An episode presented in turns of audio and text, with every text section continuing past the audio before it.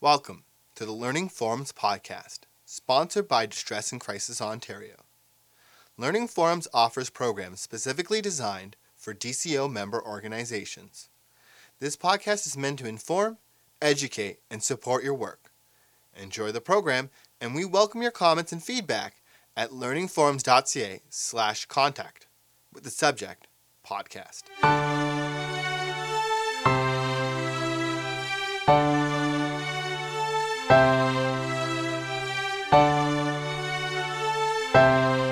Uh, my name is Kellyanne Williams. I am a community engagement worker with Peel Children's Aid Society. So today what I'm going to do is speak a little bit about the role of Children's Aid Society in the protection of and well-being of children and families. But primarily what I want to speak to you about is duty to report. So before I go any further, I just have to put a bit of a disclaimer out there. I am representing Peel Children's Aid Society, and I can't speak on behalf of all Children's Aid Societies in Ontario. I'll speak a little bit about the mission of Peel Children's Aid Society. So the mission is to ensure the safety and well-being of children and strengthen families through partnership. So what that means is that we work with a lot of other community providers and community agencies and community members just like yourselves to ensure the well-being and safety of children. So we do this in collaboration with other partners. The vision is every child cherished. So what that means is that every child, no matter race, ethnicity, should be cherished and has the right to live in an environment that is conducive to their health and well-being. Um, so I'll mention the one thing that does bind all children's aid societies together in Ontario is the CFSA. So what the CFSA is the Child and Family Services Act. So what that is, it is the legislation that mandates children's aid societies to protect children and families. So that's what gives us our authority to do the work that we do. I'll just give you some highlights of the CFSA. So it promotes the best interest and protection and well-being of children. It also emphasizes duty to report, what I'll be speaking about in a little bit, and it also emphasizes early help. So Children's Aid Society, we don't just want to come in when there's a crisis, but we want to prevent crisis from happening because we know that child maltreatment is a result of crisis in families. It's not that parents are just bad people and want to um, neglect or abuse children, but it's usually a result of a crisis in a family. So all CASs, so all Children's Aid Societies in Ontario are mandated by the CFSA to do the work that they do. Um, so we use the same ministry standards and we are all mandated by the CFSA, but all Children's Aid Societies do have different objectives, different strategic goals, different missions, different visions, different ways in which they do the work, but essentially the work is to protect children from abuse and neglect.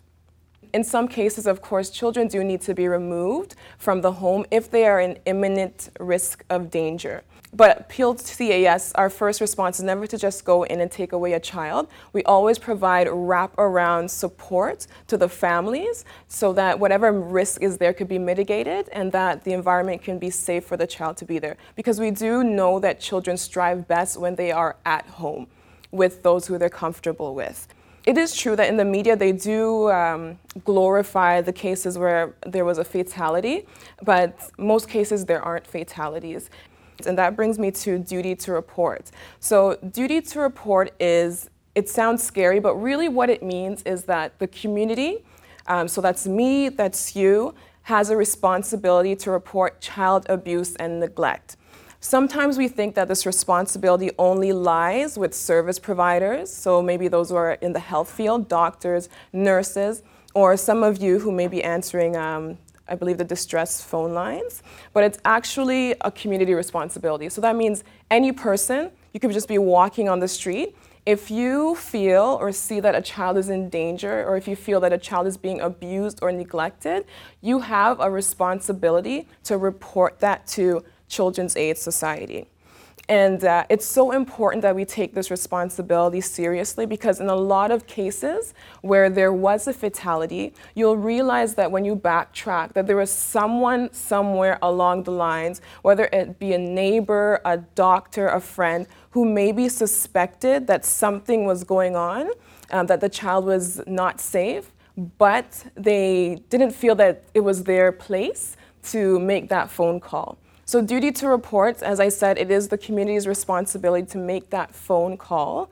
Um, also, there's something called an ongoing duty to report. What that means essentially is that if you have called about a particular family or a particular child, and the issue is ongoing, uh, you have that duty to continue to call. So, for example, if there is an instance on Monday and you made a call, and then there's another instance on Thursday, you have to call again. So, it helps build a case.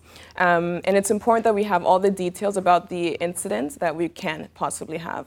You don't have to have proof to call. Um, you can call just for a consultation. Sometimes many people are unsure and they just want to call and consult or ask hypothetical questions. We do recommend that you do take advantage of that opportunity and you do give us a call. Uh, the calls are answered by trained professionals, trained social workers, and they'll be able to answer any questions that you have. And if they can't answer any questions that you have, then they'll direct you to the best answer. Other reasons you can call are for community links. Our agency, we do link clients to resources outside of our services. So if you have a family or a child that maybe there is no abuse or neglect, but they just need some support, maybe they're new to to Canada and they need some support with the settlement issues, or maybe they're having issues with um, housing and they need housing support, you can always give us a call and we will direct you to a community link. Or if you just have questions, you can give us a call as well and just consult. You can also give us a call if you just have questions about the CFSA or if you want to know your role as a community member in the protection of children. Don't be afraid to call CAS. We are not that big, scary monster. We are not here to um, destroy families. We are here just to support uh, families in, um, in their, with their well being. Another question that we have sometimes is I call, but I don't hear anything back. I don't know what happens after I make that call. And the CFSA also legislates us to keep the privacy of the families that we work with. Once that call is made, we are not able to disclose any further information. We can just gather the information and take the next necessary steps. If a family does sign consent for us to speak with you, then we can release the appropriate information. But if that consent is not signed, then everything is confidential. So when a referral is made to the agency, the person making the referral will speak to the social workers in the screening department. So the social worker will gather as much information as they can regarding the concern. Depending on the severity of the concern, a social worker will meet with the family um, within 12 hours, two days, or seven days. Once they meet with the family, they'll gather more information, they'll do an assessment, and based on that assessment, they'll either decide that the child and the family need ongoing support. They'll either decide that the child and the family maybe just need a link to a resource and the case can be closed there. Or the child and the family, the child needs to come into our care depending if there's imminent risk. If the case goes on for ongoing support, the social worker will work with the family to develop a care plan. So depending on whatever the, the needs are of the family, they will come up with a care plan that the family is obligated to fulfill.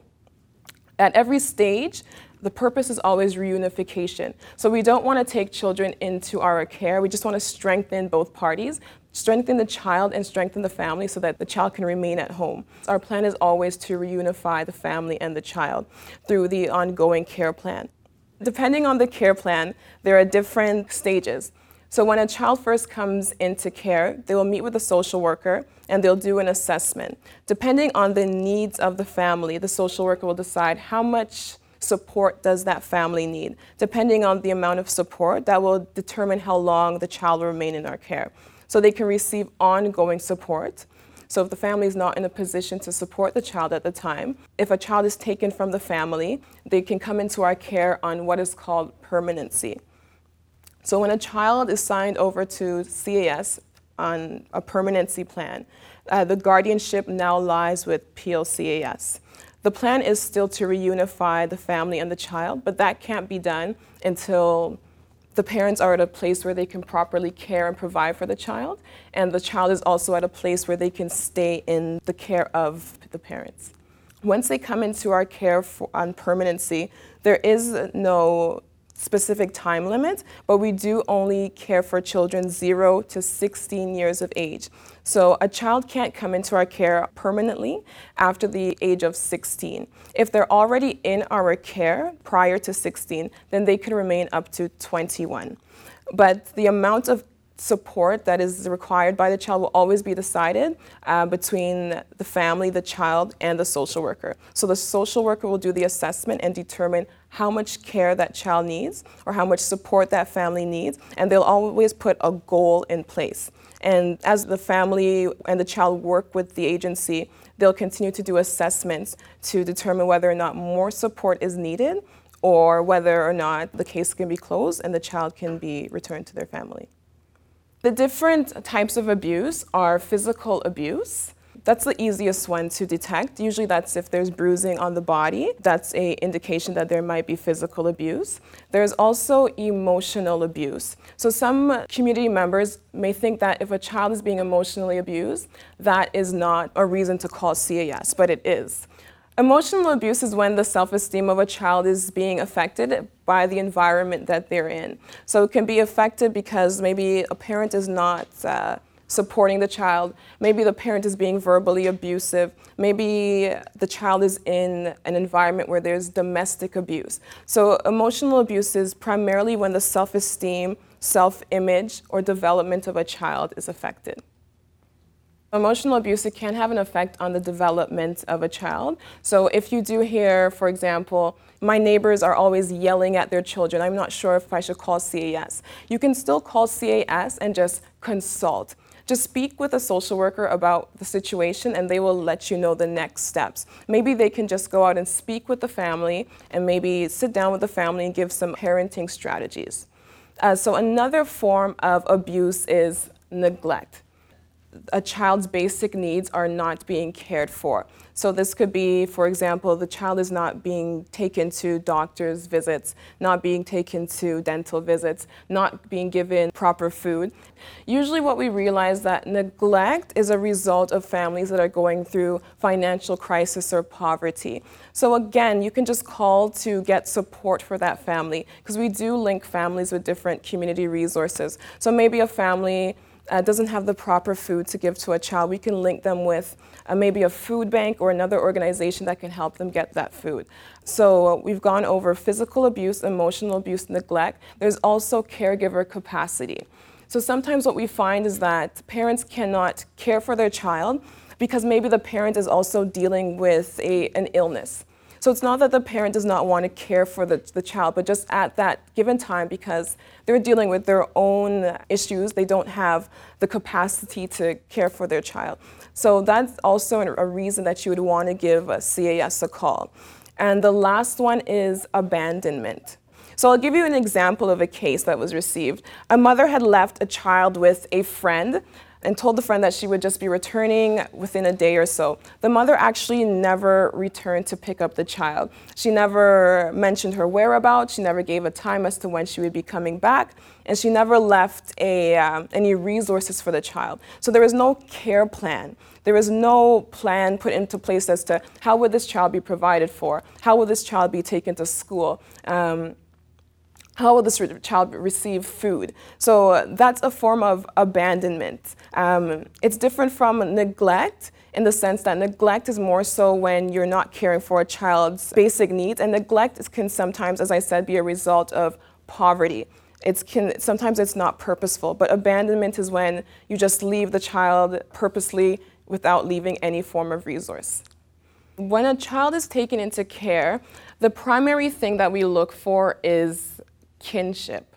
So kinship is um, like a family member or someone that is referred by the, by the family to take care of the child. So it could be a family member, it could be a friend, someone, some people um, use pastors, church members. So primarily we look for those types of people to care for the child.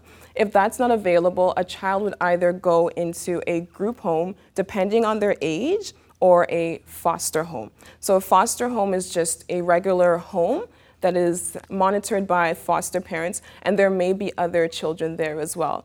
A group home is more so for teenagers, and once again, that's just a home that is supervised by CYW workers, so child and youth workers, so they will supervise the youth. If you do receive a call from someone who does suspect that a child may be abused or neglected, I would first and foremost um, inform them of their duty to report and also inform them of the supportive nature and services of CAS. If they don't want to disclose uh, any identifying information, you can also encourage them just to call CAS to consult, or you can make the call with them just for uh, moral support, or if you want to call together to make that consultation or just to ask questions. If a child is in imminent danger, always call the police first, and then the police will call CAS. Each community does have their individual CAS, so if you do want more information, um, I would encourage you to visit the OACAS website, and there you can get information about the different CASs all across Ontario, and um, there are numbers that you can call. The OACAS website, that stands for Ontario Associations of Children's Aid Societies.org. So there you can find information about the different CASs across the province of Ontario.